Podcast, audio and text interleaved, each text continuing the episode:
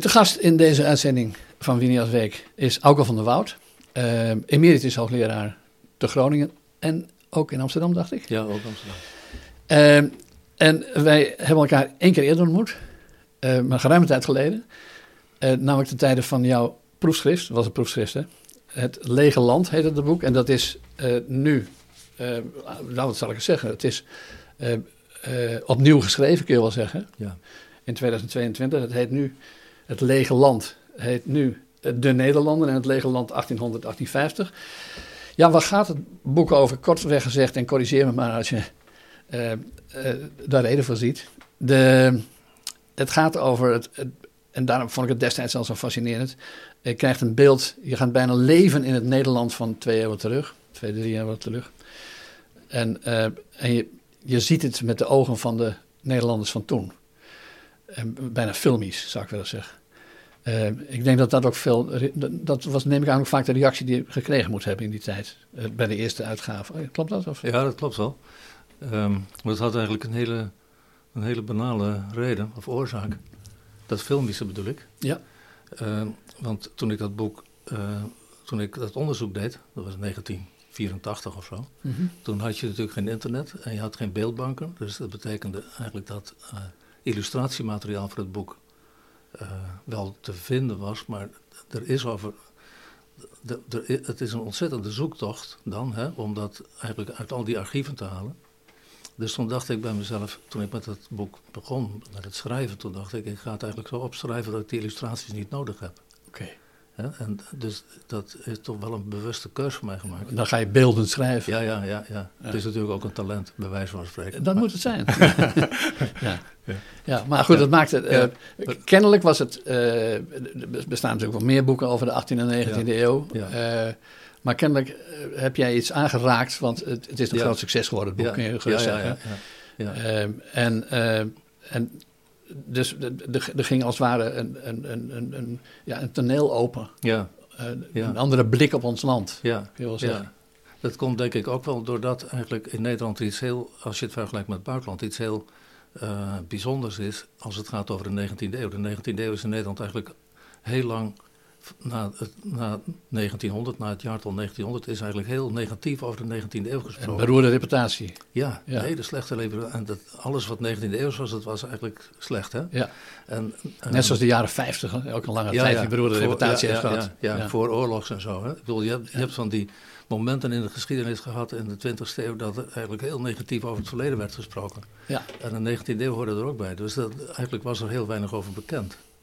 En um, uh, nou ja, mijn boek dat ging dan over het landschap, hoe Nederland, hoe dat, hoe dat eruit zag. Eigenlijk was dat, eigenlijk was dat mijn, mijn, mijn vraag. Hoe, Ja. zi- hoe ziet dat Nederland eruit in die Ja. vroege 19e eeuw? Ja. En ik heb toen eigenlijk eh, gezien dat het zo gebrekkig was ten opzichte, hè, vanuit het hedendaagse perspectief, zo, zo gebrekkig ingericht, zo aan alle kanten rommelig en, en ook natuurlijk. En leeg. En leeg, ja, ik bedoel... Hè, dus Hier en daar een vlekje. ja, of 2,5 miljoen inwoners en zo. En dan in, het hele, in het hele Drenthe wonen 50.000 mensen ja, bijvoorbeeld. vijf- ja, 50.000. Ik zat er ja. nog te denken, de- in dit jaar 2022 neemt het inwonertal van Nederland als gevolg van immigratie toe met 200.000. Dat is vier keer het aantal inwoners van Drenthe in ja. 1815 of ja. 1840, Ja, 1815 ja, ja, denk ik. Ja, ja, dat gaat nu heel hard.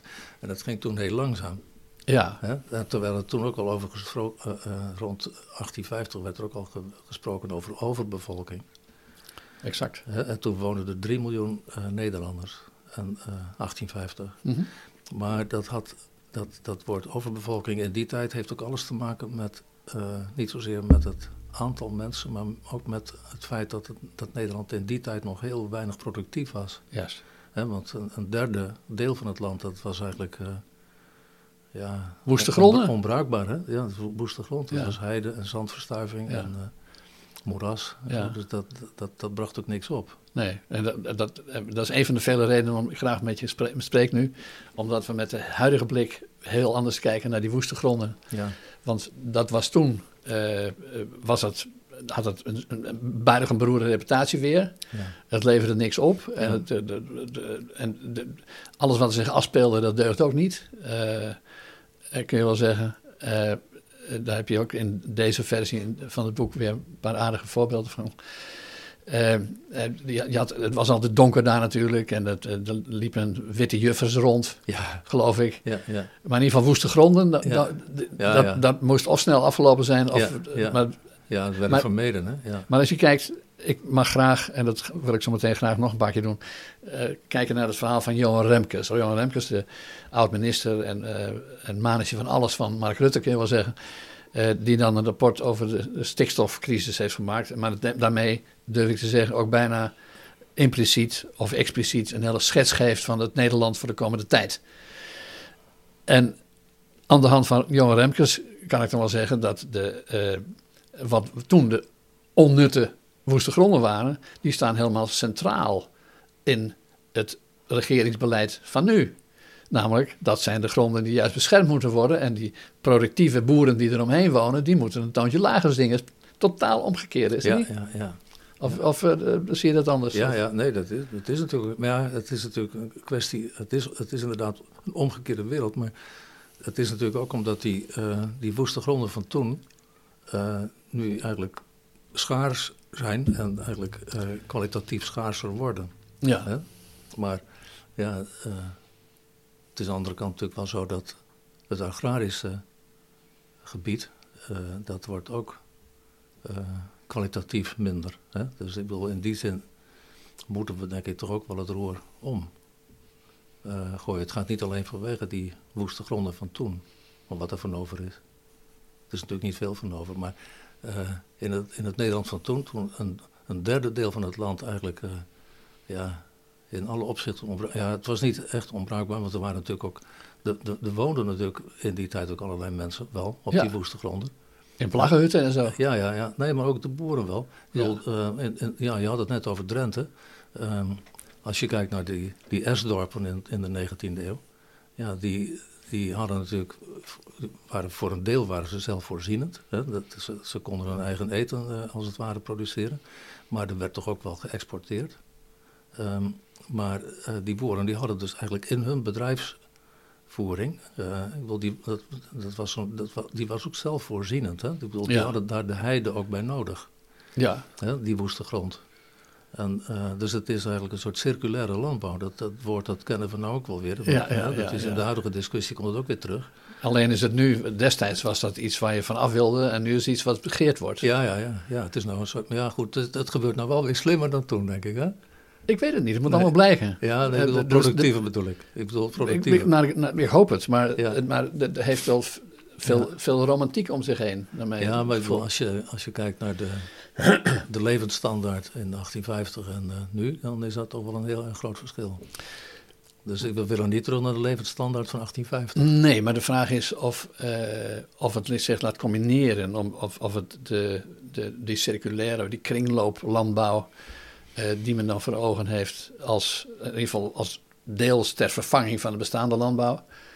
Uh, of die uh, de, uh, de, economische potentie heeft die de welvaart van bij de welvaart van Nederland hoort, laat ik het zo formuleren. Ja, nee, dat is inderdaad wel een vraag. Ja. En daar bestaat, ja. dat, dat, is niet heel erg over nagedacht, denk ik wel eens. Nee, nee dat, ik denk wel dat dat wel een punt is waar we over nagedacht zal moeten worden. Ja. ja. Als je ziet wat eigenlijk momenteel het exportpotentieel is van de huidige landbouw. En als je inderdaad zegt, ja, dat gaan we terugbrengen. Ja ja, dat is prima, maar ik bedoel, dat gaat natuurlijk echt heel veel geld kosten.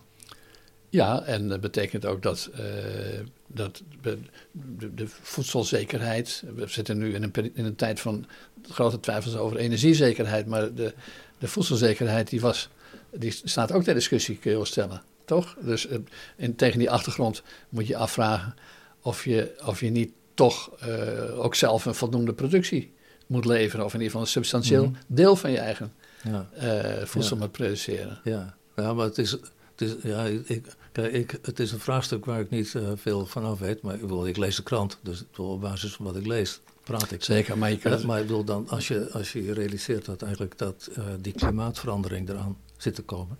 Dat betekent eigenlijk dat je... Ik, bedoel, ik heb nou al verhalen gelezen dat eigenlijk de, de landbouw zoals die nu is... -huh. eigenlijk in de nieuwe omstandigheden die het klimaat schept Ja. eigenlijk niet meer kunnen. Dus dat er eigenlijk een ander soort landbouw zou moeten komen. Ja. Op, de, op de wat langere termijn. Dat is niet over vijf jaar of zo. Wat ik maar- vaak zie is dat, dat, de, dat we op afstand- afzienbare termijn eh, de temperaturen hebben die eh Ja, tot dusver die in, in, Bordeaux waren. Ja, ja, ja. ja. Maar ja, we weten allemaal wat er in Bordeaux wordt geteeld. ja. Dus dan zou het in de reden liggen dat wij, Nou ja, dat bedoel ik. Dus dat wij hier je een wijn, wijnbouwgebied worden. Ja, ja, goed. Maar je krijgt inderdaad een ander soort landbouw. Maar ik, ik ben niet zo goed op de hoogte met de circulaire wijnbouw, eerlijk gezegd. Nee, nee, nee, ik ook niet. Nee, nee. misschien meneer Remkes wel. Maar... Eh, als consument wellicht. Die, eh, waarom ik je ook heb uitgenodigd is omdat ik denk dat het zeker nu en zeker naar aanleiding van Remkes, of tenminste alles wat er zich daarmee omheen afspeelt, eh, het nuttig is om het hele begrip van hoe Nederland eruit ziet en hoe Nederland erbij ligt en hoe Nederland wordt ingericht, eens een keer doorgenomen zou moeten worden. Want de periode je hebt niet uitsluitend geschreven, je hebt ook over, andere, over het, meer richting heden geschreven. Het, het lege land ging dan over 1800, 1850. Maar dat kun je ook een beetje beschouwen als het begin van de nieuwe tijd van het landschap. Is dat niet zo? Ja, ja, ja. ja. Dus het, daar- toen kreeg je ook het benul dat je het land moest inrichten ja. eh, voor de landbouw om het productiever te maken. ja. Eh, Ja, kunstmest die kwam. ja. 1870, ja. Eh, dus daarvoor, dat vond ik ook zo aardig om te zien, toen ik quasi herlas, Mhm. eh, dat tot die tijd de, eh, de bemesting plaatsvond door eh, de mest en het vuil uit de steden ja op het land Ja, te brengen. ja. En dat was geld waard ook. Hè? ja, Dat- ja, dat- absoluut. er werd goed voor betaald Ja, ja, ja. door de boeren. En zeker om de woeste gronden Ja, ja, ja. te bemesten. Nou, en nu is het mesten, het, mesten op, op, de, op de landbouwgronden het juist het probleem. Is het niet een rare paradox? Ja, dat is ook weer. Ja, goed, dat is. Kijk, je, je zei het al, dat die kunstmest is erbij gekomen. En eh, die, die heeft natuurlijk voor gezorgd dat, dat die productiviteit geweldig eh, gestegen is. En, eh, maar ja, we hebben, daarnaast hebben we natuurlijk nog iets anders gekregen. Want die kunstmest die is er dan eigenlijk goed voor de landbouwgewassen. Maar we hebben natuurlijk in Nederland ook een ongelooflijke veeteelt gekregen. Ik bedoel, Ja. Als je kijkt naar die cijfers van de 19e eeuw. Eh, hoeveel koeien er eh, rondliepen en zo. Kijk, die, die, die mest in die steden die werd dan veroorzaakt door die paarden en zo. Hè? Dus Ja. Die, de, de, de trek, Straatvuil. ja, dat was straatvuil, maar dat was allemaal paardenmest. Want Ja. eh, het, het- de mobiliteit die werd eigenlijk, ge- die, die was mogelijk dankzij... Dankzij de dankzij trekkracht van de paarden. Ja, de Ja. tre- ja de- dus dat, die straten die lagen natuurlijk continu vol met paardenmest. Ja. En, en stro en zo, dus dat, dat was inderdaad wel goede, goede grondstof voor de, voor de boeren. Mhm. Maar goed, wat we, wat we natuurlijk in de loop van de 20e eeuw gekregen hebben, de tweede helft van de 20e eeuw, dat is natuurlijk die enorme ehm, eh, stijging van de, van de veeteelt. Dus dat betekent natuurlijk dat daardoor eigenlijk die mestoverschotten gekomen zijn. Want ik bedoel, als je kijkt naar de, de cijfers die het Centraal Bureau van de Statistiek, die ik niet in mijn hoofd heb, maar als je kijkt naar die cijfers van, eh, van de, Aantallen bedoel je? ja, de aantallen, Ja. ja, die zijn natuurlijk echt gigantisch. Ja, wat, wat ik uit mijn eigen geheugen nog, eh, daar heb ik dan het CBS niet eens voor nodig, eh, herinner is dat op het, het Friese platteland, waar wij allebei mee bekend zijn, van die tijd, dat het, laten we zeggen, het midden van de vorige eeuw, en, of iets eerder, een standaardregel was dat op één bunder, een hectare, althans dat is ongeveer hetzelfde, waar had je dan één koe en één kalf. Dat was, dat was ik, ik weet niet hoeveel er nu zijn, maar het zijn eerder zes, Ja, geloof ja, ik. Ja. En dus die overbevolking van het vee eh, heeft geleid tot eh, de fosfaat- en stikstofcrisis. Ja, Want we hadden natuurlijk al een fosfaatcrisis eigenlijk ook. ja, hè. ja, ja, ja. Maar we hebben het wel het hele land erop ingericht. Ja. Op, op die productiviteit. Ja, Ja, dus het is niet alleen een kwestie van dat de boeren veel kunststof, Mhm. eh, kunstmest gebruiken. ja, ja, ja. En, en, en aan hun vee. Maar we hebben het hele land in het midden van de vorige eeuw en de tweede helft van de vorige eeuw ook totaal omgegooid. Absoluut. Sloten rechtgetrokken, weilanden samengevoegd. Alles moest anders. ja, ja, ja. Ik heb het in een, van mijn laatste boeken, dit, dit is het laatste boek, maar het vorige boek dat gaat over het landschap. 1850 tot 1940. En daar, daar noem ik, wat, wat jij nou net noemt, dat noem ik tijdbesparend landschap. Mhm. En dat is gekomen eh, toen die ruilverkaveling discussie eh, startte. Dus dat begint dan eigenlijk in het begin van de 20e eeuw. Want dan, Ja. en, en dan die ruilverkaveling die is dan eigenlijk eerst eh, gedoeld op ehm, het productiever maken van bijvoorbeeld de markengronden en zo. Dus dat- die ruilverkaveling die is dan niet speciaal meteen bedoeld voor het, het, het, goed functionerende agrarisch landschap. Het is meer eigenlijk dat restgebied. Ja. En dan op een, maar dan begint dat... Begint, de, de, communale gronden. Ja, ja. ja. En dan, maar dan uh, in de tijd dat die uh, Eerste Wereldoorlog er is, hè, 1914, 18... dan, um, dan op, dat, dat is eigenlijk een soort, soort wake-up call voor, voor Nederland... om, om, om te zien van... Uh, we moeten niet eigenlijk wat, wat de voedselvoorziening betreft afhankelijk zijn van het buitenland. We moeten eigenlijk zorgen dat we dat zelf allemaal gaan doen. Toen is eigenlijk die discussie over die uh, intensivering van de landbouw is toen echt goed van de grond gekomen. Het begon met het aardappeloproer, zou je kunnen zeggen. Ja, en de Rijksoverheid heeft toen eigenlijk het voortouw genomen. Ja. en, uh, dus dat is eigenlijk in die Eerste Wereldoorlog ontstaan. En toen, dat, dat, toen is eigenlijk ook die rouwverkaveling, die is ook eigenlijk een beetje de richting uitgegaan van, de, van, van het productieve um, agrarische landschap. Maar heel veel boeren wilden Misschien moet even een klein, klein intermezzootje, want het begrip ruilverkaveling zegt natuurlijk op zich helemaal niet dat je het landschap moet herzien. Nee. Het, het, omdat het, ja, dus ja. het, het, begrip van gaat over ja. dat als een boer overal een stukje grond heeft en zijn buurman ook, dat je dat efficiënter kunt delen. Maar goed, achter die wereld van het begrip ja, ruilverkaveling, ik denk dat toch nuttig om even te zeggen. productiviteitsstijging. Zeker, wat, zeker. maar, maar, maar, maar, wat, wat denk ik voor de, voor een niet-boer veel aansprekender is, is dat de plossing allemaal zandweggetjes werden geasfalteerd en dat er allemaal recht uh, getrokken, uh, dat die riviertjes werden recht getrokken en dat soort dingen, toch? Ja, maar dat deed de Heidemaatschappij, want die werd er heel vaak bij betrokken -hmm. uh, als organisator van die ruilverkavelingen. Ja. Want, die, um, want die, die, de Heidemaatschappij die had uh, uh, veel geleerd van, de, van, van eigenlijk de, de ontwikkelingen in Duitsland. Ja. Um, waar ze bezig waren met die cultuurtechniek. Dat, Ja. was, dat is eigenlijk een, een Duits begrip, cultuurtechniek. Dus het is eigenlijk eh, een techniek om het land in cultuur te brengen. En, en om het cultuurland nog productiever te maken dan het al is. Oké. En, en dat was Maar om te beginnen dus een woeste gronden in cultuur te brengen. ja, ja, ja, daar En wat dan in cultuur Daar was, nog een beetje... Ja, ja, want het is, Verder te- ja, dat, want dat, dat, dat, dat, dat systeem dat kan je natuurlijk uitbreiden. Ik bedoel, als, je, als je één keer zegt, we gaan de boel productiever maken, dan is er ook geen grens meer. Nee. En die Duitsers waren er heel ver mee, die deden er echt heel veel onderzoek naar. En dan heb, heb je het over rond 1930 of zo. Ja, ja. De Heidemei begint al eerder, dus in de 19e eeuw, maar dan gaat het echt over ontginning en zo. Maar eh, dat ze met die rouwverkavelingen bezig gaan en dat ze dat in opdracht van de Rijksoverheid vaak eh, organiseren Ja. en begeleiden, Ja. dat, ja, dat is inderdaad iets van... eh, de eerste rouwverkaveling is van 1924 op Ameland.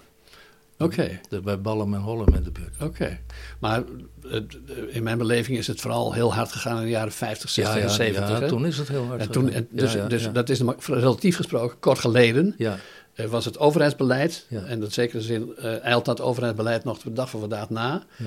eh, denk ik, durf ik te kunnen beweren, eh, dat, eh, en dat, je had ook minister Mansholt, de PvdA-minister, die, dat, eh, die, die wilde, eh, er werd vaak gezegd, eh, nooit meer een hongerwinter, maar ik denk eerder gezegd dat Mansholt meer bezig was met het nooit meer crisisjaren. Ja, ja. Dat dat veel belangrijker drijfveer was. En hij wilde het. De, de, de, de, een, gezonde gezinsbedrijven in de landbouw. dat was eigenlijk het ja, idee. En daarvoor Ja. heeft hij dus eerst, Ja. moest, moest dat gesteund worden van Ja. overheidswegen, die bedrijven. En toen ging hij naar Brussel en dan is hij ook heel erg op de schaalvergroting. Ja. Nou, en daar werd een land als Nederland gewoon op ingericht. Ja, ja, ja, dat is Dus, ook zo. ja, dus als 60 ja. in die tijd was 60% van het landschap in Nederland voor de landbouw, denk ik ongeveer.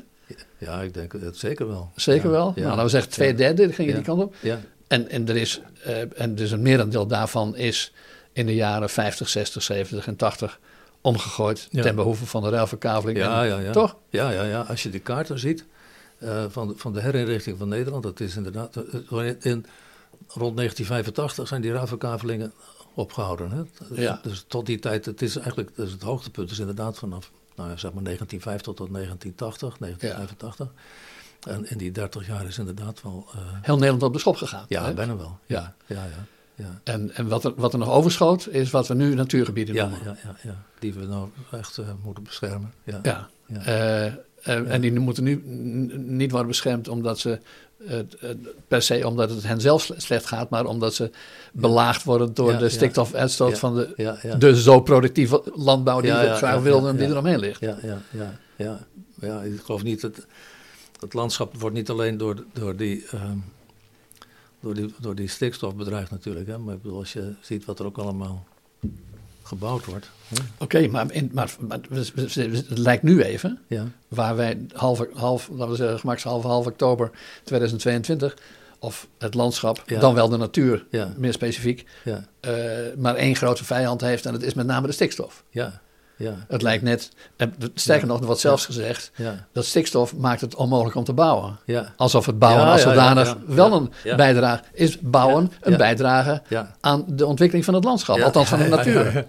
Moet je toch afvragen, wanneer? Ja, ja, vind ik wel. Ja, maar ja, goed, dat is een interessante vraag. Als je de trein zit en je reist met de trein door Nederland, dan, eh, dan komt die vraag wel boven, ja, denk ik. Ja, maar die zou toch ook in de hoofden van kabinetsleden Ja, ik weet niet of die vaak in de trein zitten. Maar als je bijvoorbeeld, als je, nou weer het CBS even, die cijfers. Ehm, ehm, ik, ik heb eens gelezen dat in de periode 2000 tot 2018 eh 8,5 hectare per dag eh, bebouwd is. Ja, Dat gaat wel heel erg hard. zeker. Hè? En daar zijn ook twee, redenen, twee goede redenen voor, denk ik. A, eh, hebben we per persoon steeds meer ruimte nodig. Ja, Omdat we ook steeds Ja, ja, ja, minder kleinere huishoudens hebben. En ten tweede groeit de bevolking natuurlijk in L-tempo. Zeker de laatste tien jaar weer. En dat weer vrijwel geheel door immigratie. ja, maar wat denk je van de bedrijfsterreinen? Oh, maar natuurlijk. Ja, Ja, ja, ja, ja. want ik bedoel, dat is De verdozing van Nederland. de verdozing. Ja, ja, ja. ja. Maar is, er- is het dan niet heel erg eenzijdig om je zozeer, zoals het in de zomer en de nazomer en de herfst van 2022 lijkt, alsof de grote bedreiging van de Nederlandse natuur voortvloeit uit eh, de, de belendende landbouwbedrijven? Het is toch een beetje een eenzijdig beeld. Nou ja, het is eenzijdig als je het niet over andere dingen hebt. Ja, Hè? Ehm, ik, eh, dat is natuurlijk ook wel, denk ik, wel een beetje het karakter van de huidige discussie. Dat het zo ingewikkeld geworden is. Als het gaat over de inrichting van Nederland. Het is zo ingewikkeld omdat er zo enorm veel partijen zijn die belangen hebben. Die allemaal heel integer en, en, en, en goed zijn, maar die toch op, die, die eigenlijk allemaal wringen. Ze zitten elkaar eigenlijk heel voortdurend in de weg. het zijn ook zijn, zijn eigen belangen, het zijn materiële belangen, het zijn ideologische belangen ook. hè? Ja, ja, ja. Dat is ja dat is een heel ingewikkeld proces.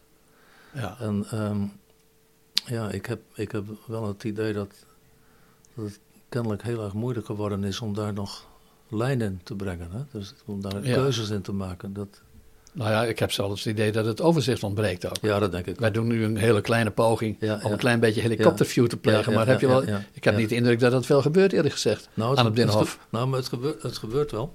Eh, het gebeurt bijvoorbeeld door het eh, Planbureau voor de Leefomgeving. Ja, Die doet dat wel. Ja, Die heeft ook opdracht om dat te doen. ja. En die hebben daar ook wel stukken over geschreven.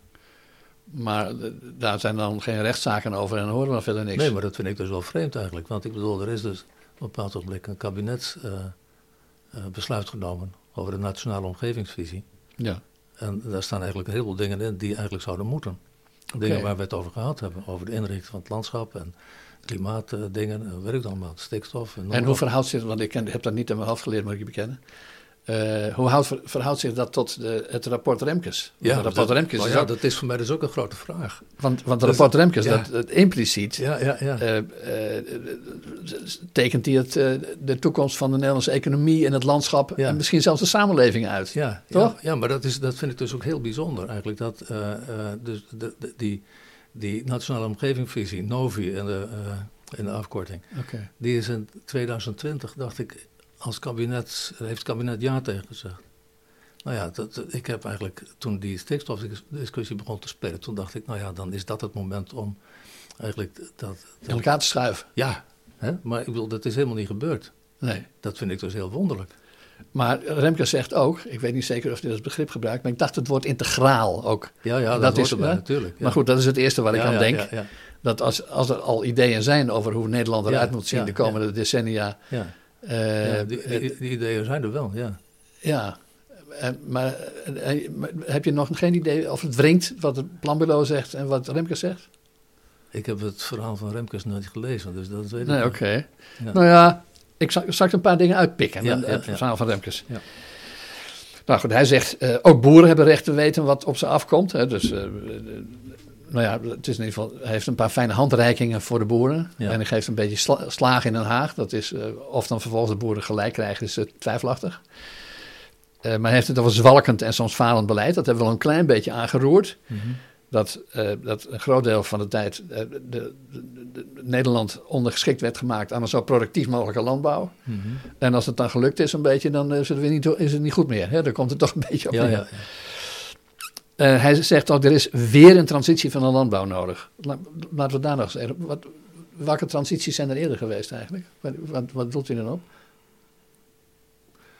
Nou ja, ik denk wel dat dat die. eh, ik denk wel dat dat die keuze is geweest die toen in de jaren 50 gemaakt is.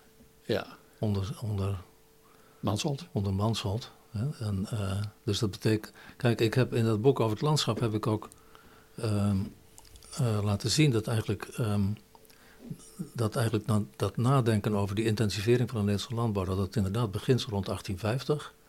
Maar dat het eigenlijk vanaf het allereerste begin eh, in het teken gestaan heeft van exportbevordering. Ja. Dat is eigenlijk heel, dat is een doorgaande lijn vanaf 1850. ja, bij Mansholt was het ook zo. Ja, ook. Ja. ook hè, want het, wordt- het wordt altijd aan Mansholt toegeschreven, eh, die slogan Nooit meer honger, maar dat ging echt over export. Zeker. Hè?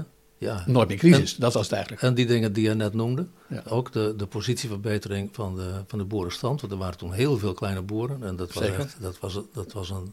En die hadden trouwens in de jaren 30 stemde die nog als NSB. Dat was Ja, wat ja, dat- ook niet graag zag. Ja, nee, maar die mensen die hadden dus inderdaad wel een heel slecht leven. Niet alleen die boeren, maar dat, gewoon het hele boerengezin. Ja. En, ehm, dus dat, daar zat ook wel degelijk een hele sociale agenda achter. Mhm. Hè? Maar eh, maar plus natuurlijk eh, het idee van het is een nationaal belang dat wij gewoon ook met die landbouw gaan verdienen. Dat was ook een mo- verdienmodel voor de, voor de Nederlandse staat. Ja. En dat moest, en, en daar zat ook nog het idee achter van, het moest eigenlijk bulk zijn. Hè? Het Ja. moest veel zijn. Ja, ja. We moesten ook goedkoop produceren. Ja, ja, ja. Maar dan konden we in prijs concurreren met, het- met, Duitsland. En dan kon het dan. En. Mansholt, die werd toen Europees commissaris van Landbouw, ja, ja, En die was er ook sterk op uit om de grenzen te openen voor het Nederlandse Ja, ja, landbouwexport. Ja, ja, toch? Ja, ja, dat is een hele slimme man. Hij was Wieringen meerboer, hè? Zeker. Ja, dus ehm, hij, ehm, eh, ik, als, we hadden het net over die ruilverkaveling. Dat is eigenlijk eh, het, het, het, eh, het, het, het model voor de ruilverkaveling, is eigenlijk de Wieringenmeer. Hè?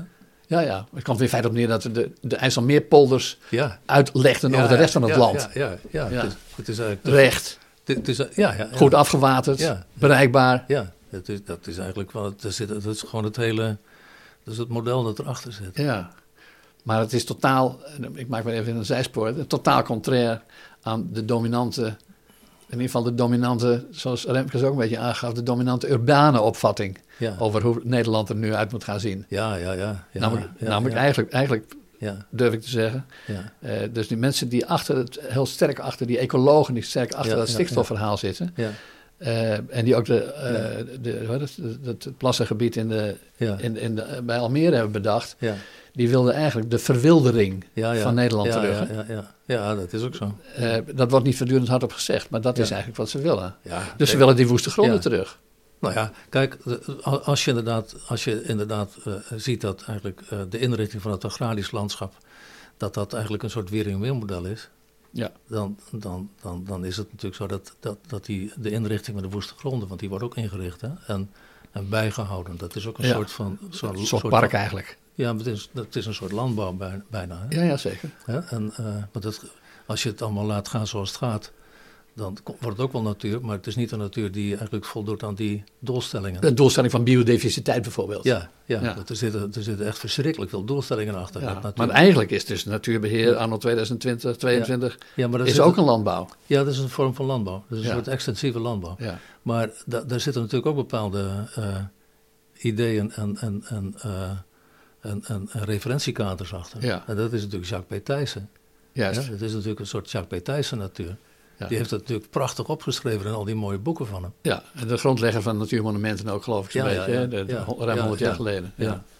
Dus dat, ja, de, de, Maar, maar, maar, de, maar de ecologen die, die nu vaak heel dominant zijn, dat zijn, die zijn, daar zou je bijna van kunnen zeggen dat ze zich op hun manier eh, eh, vinden dat nu, Nederland opnieuw in cultuur moet worden gebracht. Namelijk eh, zoals de natuur naar hun ideeën moet, uit moet bestaan. Vat ik dat samen, goed samen? Of, Nou ja, de, de eh, natuur, de, de inrichting, of ja, kijk, de inrichting van natuur, of nee, ik moet het anders zeggen. Natuur is ook een vorm van ruimtelijke ordening, van, van, van ruimtelijke inrichting.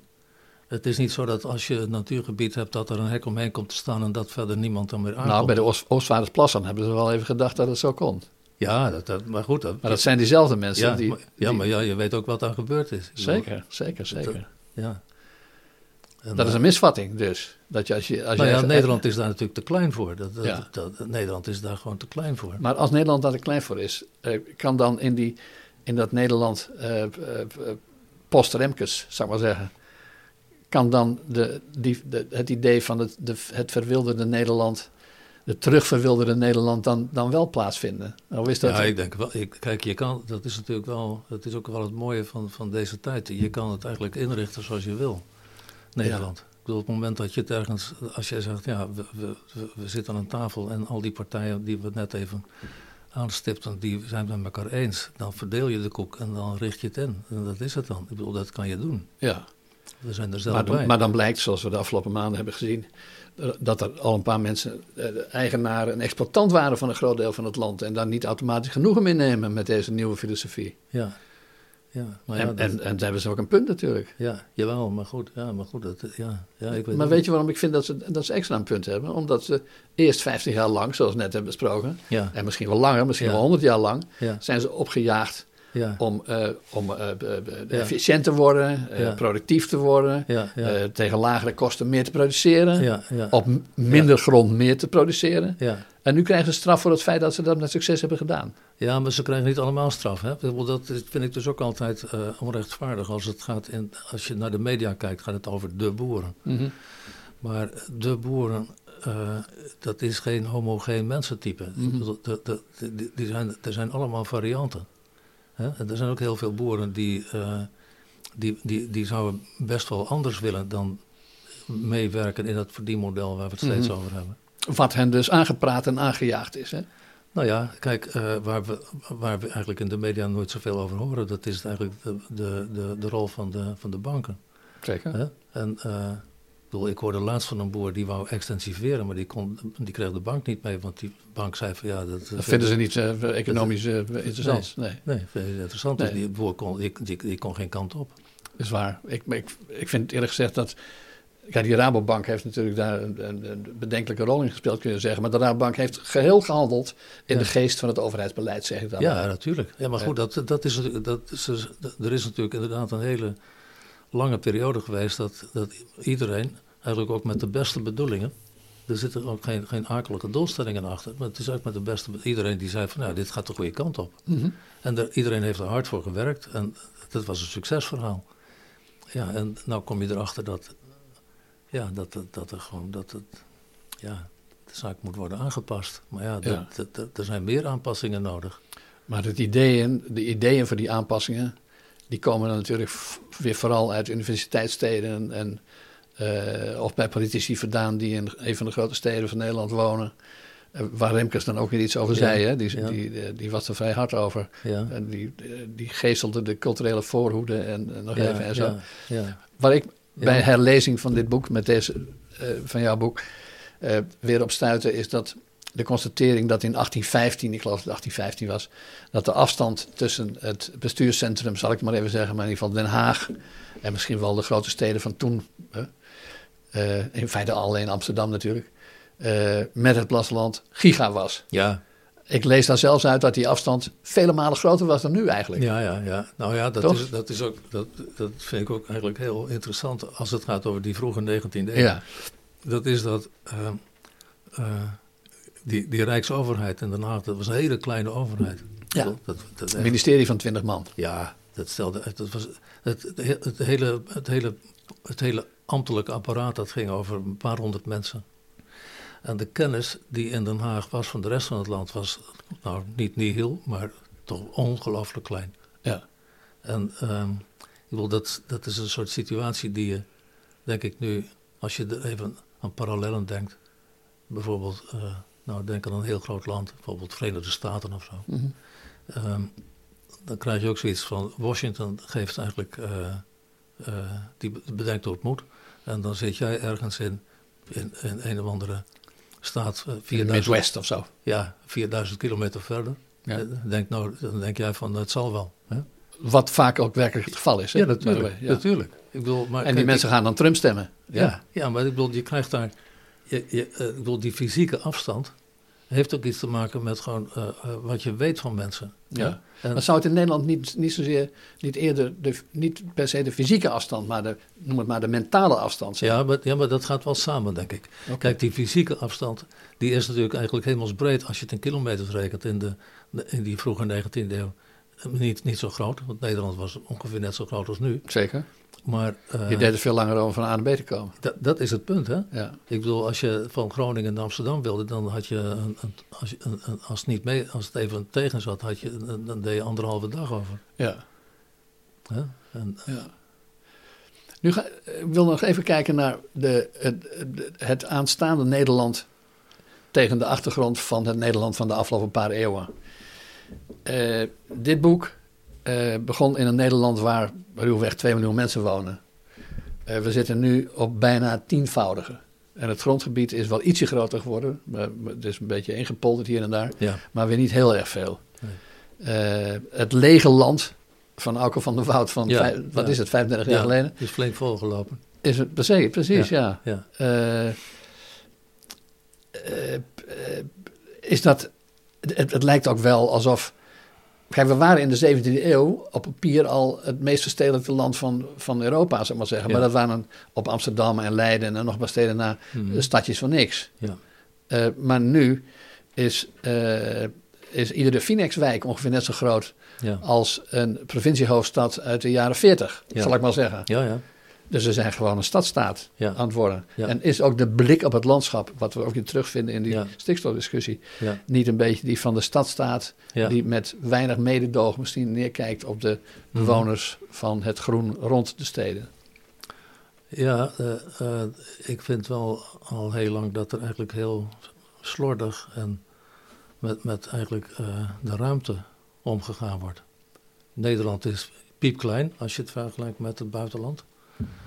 En eh, we doen eigenlijk, als het gaat over de inrichting van het land, alsof alle, alle kanten op kunnen. Ja. Ik bedoel, je, hebt het, je noemt het Phoenixwijk. Ik bedoel, dat, ehm, als je, eh, onlangs is, ehm, is een, een tabel gemaakt van hoe, eh, hoe de verdeling is, hoe, hoe mensen wonen in Europa. In rijtjeshuizen of vrijstaande huizen of stapels, Ja. appartementen. Nederland ehm, staat helemaal bovenaan wat eh, het eh, wonen in eh, rijtjeshuizen betreft. Ja. Je zou dus denken dat het een heel ruim land is. Ja, want ja, die rijtjeshuizen die horen bij eh, ruimte genoeg. Ja. Hè? Terwijl dat in werkelijkheid het dichtstbevolkte land van het vasteland Ja. van Europa Ja, is. ja, ja, dus dat is eigenlijk. Maar dat komt eigenlijk toch ook mede doordat eh, dat er natuurlijk eigenlijk van, van, van, van overheidswegen geen regels worden gesteld. Ik bedoel, het is echt een marktkwestie geworden. En eh, ja, Nederlandse huizenkopers die willen in heel overgrote meerderheid willen die gewoon een eengezinswoning. Ja. En dat betekent een rijtjeshuis. Dus da- daar is een markt voor. Mhm. Als je flats gaat bouwen, ja, die raak je dan wel kwijt, maar ja, met moeite aan een vrij kleine groep. ja. Dus het, ik bedoel, er is, het is een marktkwestie, een vraag- en aanbodkwestie. Waar eigenlijk ook van overheidswegen, als het gaat over de inrichting van Nederland, inrichting van Nederland, eigenlijk geen, eigenlijk geen, geen, ja, geen, geen regie op is. Nee, het is een fe- feitelijke mismatch. Ja, want eigenlijk wel. want- je doet alsof je ruimte zat hebt, Ja. terwijl dat niet het geval is. Ja, maar het, hetzelfde vind ik eigenlijk als je kijkt naar bedrijfsterreinen. Die wil eh, we, we- zitten eigenlijk al tientallen jaren met de situatie dat gemeenten verschrikkelijk graag bedrijven in de gemeente eh, willen hebben. Dus die, die, die grond, die vierkante meterprijs van die be- bedrijventerreinen is relatief laag. Ja. Hè? En ehm, dat betekent eigenlijk dat, nou ja, als het gaat over die verdozing waar we het net even over hadden, Mhm. dan, dan zie je het eigenlijk dat bijvoorbeeld die distributiecentra, die, Mhm, mhm. als je ziet hoe, hoe, hoe groot die zijn. En dat, dat- die, die zijn zo groot omdat eigenlijk het is voor de bedrijfsvoering makkelijk dat het allemaal begane grond is. Ja. Maar het zou natuurlijk niet hoeven. Nee, maar omdat die grond toch zo goedkoop is, dan kun je het lekker gewoon Ja. gelijk voorhouden. Ja, maar, ik wil, en- maar als je bijvoorbeeld als je kijkt naar parkeerplaatsen bij supermarkten en zo, in buitenwijken. Ik bedoel, eh, in Zwitserland eh, zijn super- supermarkten verplicht om, om een parkeerruimte op het dak of in de kelder te doen. Ja. En nou, dan weet ik wel dat die grond is daar vaak ook geschikter voor, maar je zou in Nederland kunnen heien. Dus ik bedoel, het, is Ja. het maakt het voor die supermarkten wel duurder om het te doen. Ja. Hè? Maar het scheelt wel ruimte natuurlijk. Wat, wat, is, wat is nou zo'n belangrijke, met, met de blik van de historicus, zullen we maar zeggen, de, eh, een, een, een, een noodzakelijke ingreep in de ruimtelijke ordening van Nederland anno 2022, gegeven de bevolkingsdichtheid, gegeven de bevolkingsgroei. Ja, je kunt ook zeggen, eh, doen, we, doen we dan de immigratie, maar dat slaan we nu even over voor het gemak. Eh, laten we het even als gegeven zien. Ja, Wat is nou een crux? ja. nou ja, ik denk. eh, De, wat, wat is de les van het verleden? laat ja, ja, nou, daar kan ik alleen maar heel theoretisch naar kijken. Ja, En heel- give it a try. Ja, heel, heel theoretisch eh, zou ik eigenlijk een situatie terug willen die in de jaren 1980, 1990 overboord gekieperd is. Namelijk dat toen eigenlijk die hele... Nederland had, had een heel goed eh, systeem van ruimtelijke ordening. Eh, er was een ministerie voor en het ministerie, daar zaten hele knappe koppen in. Mensen bijvoorbeeld... eh, die, het, het, eh, het Rijksplanbureau en zo. Dus mensen als eh E.O. Weijers en zo. Dus dat die echt van die van mensen die echt hele knappe planologen en stedenbouwkundigen Ja. waren. En, ehm, Het was, wel, het was allemaal wel een idee vanuit centrale planning en ja, top-down nogal, hè? Jawel, maar het was wel het was, het was centraal, maar eigenlijk ook eh, met, met, het heel, met heel veel ge- gedelegeerde Mhm. Ik bedoel, je had, je had een soort eh, opbouw die eh, het bestond uit dat er eigenlijk eh, op rijksniveau eh, werden de grote lijnen uitgezet. En die werden democratisch gelegitimeerd, omdat de Tweede Kamer en de Eerste Kamer daar een uitspraak over deden. Mhm. En op het moment dat dat gebeurde, dan ging het eh, naar de provincies, die dat dan op, op dat mi- mi- middel, eh, dat schaalniveau Regionaal, regionaal niveau. ja, op regionaal niveau eh uitsplitsen naar gemeenten toe en de gemeenten deden de rest. Dus dat was eigenlijk een soort taakverdeling Mhm. die, eh, die dan eigenlijk niet per se dirigistisch was, maar waar eigenlijk toch in, Waar ook nog voldoende speelruimte in zat, zeg je? nou ja, in de jaren tachtig eh, kreeg je toch eigenlijk eh, de, eh, de situatie dat aan de ene kant een soort roep kwam om een klei- kleine overheid te, te, te hebben. Dus dat betekent minder ambtenaren. Nooit gelukt, maar een andere zaak. Nee, maar goed, dat, ja, nee, maar goed, dat was nog wel een soort doelstelling. Ja. En twee, dat eigenlijk ook van onderop bij gemeenten en bij provincies het gevoel was van ja, we kunnen het ook eigenlijk wel best wel zelf. Mhm.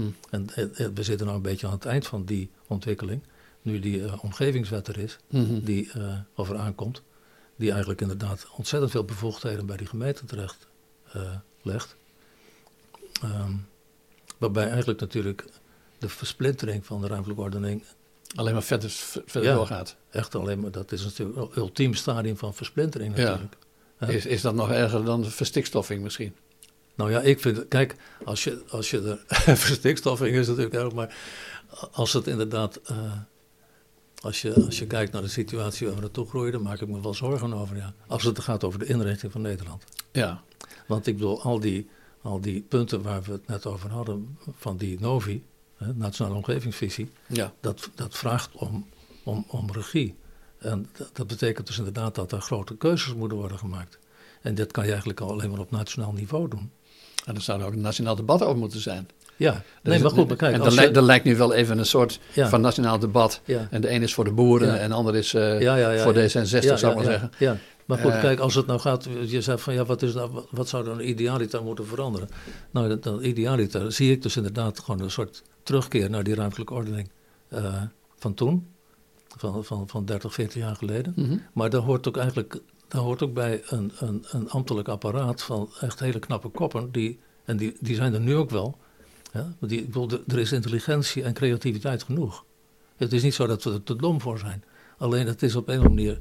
Ja, eh, Heeft het thema geen prioriteit? Is dat het? nee, nou ja, het, het, het, heeft geen, het heeft geen. Het heeft geen vorm, geen. geen het, het is allemaal. bedoel, We hebben dus eh, dat college van die, van die eh, Rijksadviseurs. Hè? Mhm. Rijksbouwmeester en de Rijksadviseur voor het landschap en de leefomgeving. Mhm. stedenbouwkundige. Eh, En dat, dat, en dat is ook prima, maar dat zijn, dat zijn adviseurs voor de minister. En die minister, en dat, dat zijn ook knappe koppen. En die hebben ook een prima uh, uh, achtergrond en, en, en, en, mensen die, die input geven. Hmm. Alleen, uh, het zijn adviseurs voor de minister. En de minister die kan zeggen dank u wel en zo en het rapport aan de kant leggen. Ja, ja. Wat nu vaak gebeurt natuurlijk. Mm Omdat het politiek niet haalbaar is, omdat de minister daar verder ook eigenlijk verder niks mee wil of kan. Maar zou je kunnen zeggen dat, dat bij, waar het ministerie van From ja. niet meer bestaat... Nee. en dat we denken daaromheen ook... Ja, ja. En we bovendien, uh, uh, laten we zeggen, uh, worden gestuurd, tenminste, dat, dat is een stelling dan, door dan wel de waan van de dag, dan wel volgens Brusselse maatstaven die we eerder niet kenden, of nu wel, ja. maar dan wel door overbevolking die, we, die we niet hebben gewild, maar wel nee. zijn beloop laten. Ja, en de commerciële bedrijven. Maar dat zijn allemaal, iedereen doet maar wat, ja, ruwweg gesproken. ja, ja. En, uh, ja. en dat lege land wordt vanzelf vol. En, ja, uh, En, en, misschien niet op een manier die, die, die we prettig vinden. Nou ja, uh, ja kijk, ik, denk, ik, denk, ik, ik zie Nederland niet meer in, een chaos verzanden. Maar het kan inderdaad. Ja, je loopt natuurlijk wel in de manier waarop het nu gaat. loop je af en toe tegen hele grote problemen aan. Ja. En, en, die problemen die zijn ook allemaal in kaart gebracht. Ik bedoel, die stikstof is er eentje van, maar de, de woningnood is een andere. Mm -hmm. En we hebben nou wel een minister voor de, voor de woningbouw. Of de, en voor stikstof. Ja. en ja, andere. Ja, maar goed, maar, maar er, zit, dus, er zit geen ambtelijk apparaat meer omheen. Nee. En, en, en, en er zit ook eigenlijk geen, uh, geen, geen bevoegdheid meer omheen. Nee. Ja, dus dat is, dat, ja, dan denk ik, ja, dan, wat, wat hou je dan nog over? Nou, in de praktijk laat je dan dingen op zijn beloop. Ja, ja. natuurlijk. Ja, en daar pleit je niet voor. Nee, nee, nee, nee, nee, nee, Ik denk dat, uh, dat we uh, het rondje aardig hebben gemaakt. Mag je hartelijk danken. Graag gedaan. Uh, we spraken met Auke van der Wout, dat is de auteur van onder meer dit boek, pas verschenen. sommige mensen zullen daar elementen gaan herkennen uit zijn proefschrift uit 1986, denk ik. 87. 87. Ja. Ik heb het allebei gelezen en ik vond het prachtboeken. Dus uh, vandaar dat ik uitnodiging. Dankjewel. Uh, dat was deze aflevering van de Winias Week. Ook beschikbaar als podcast. Aanbevolen.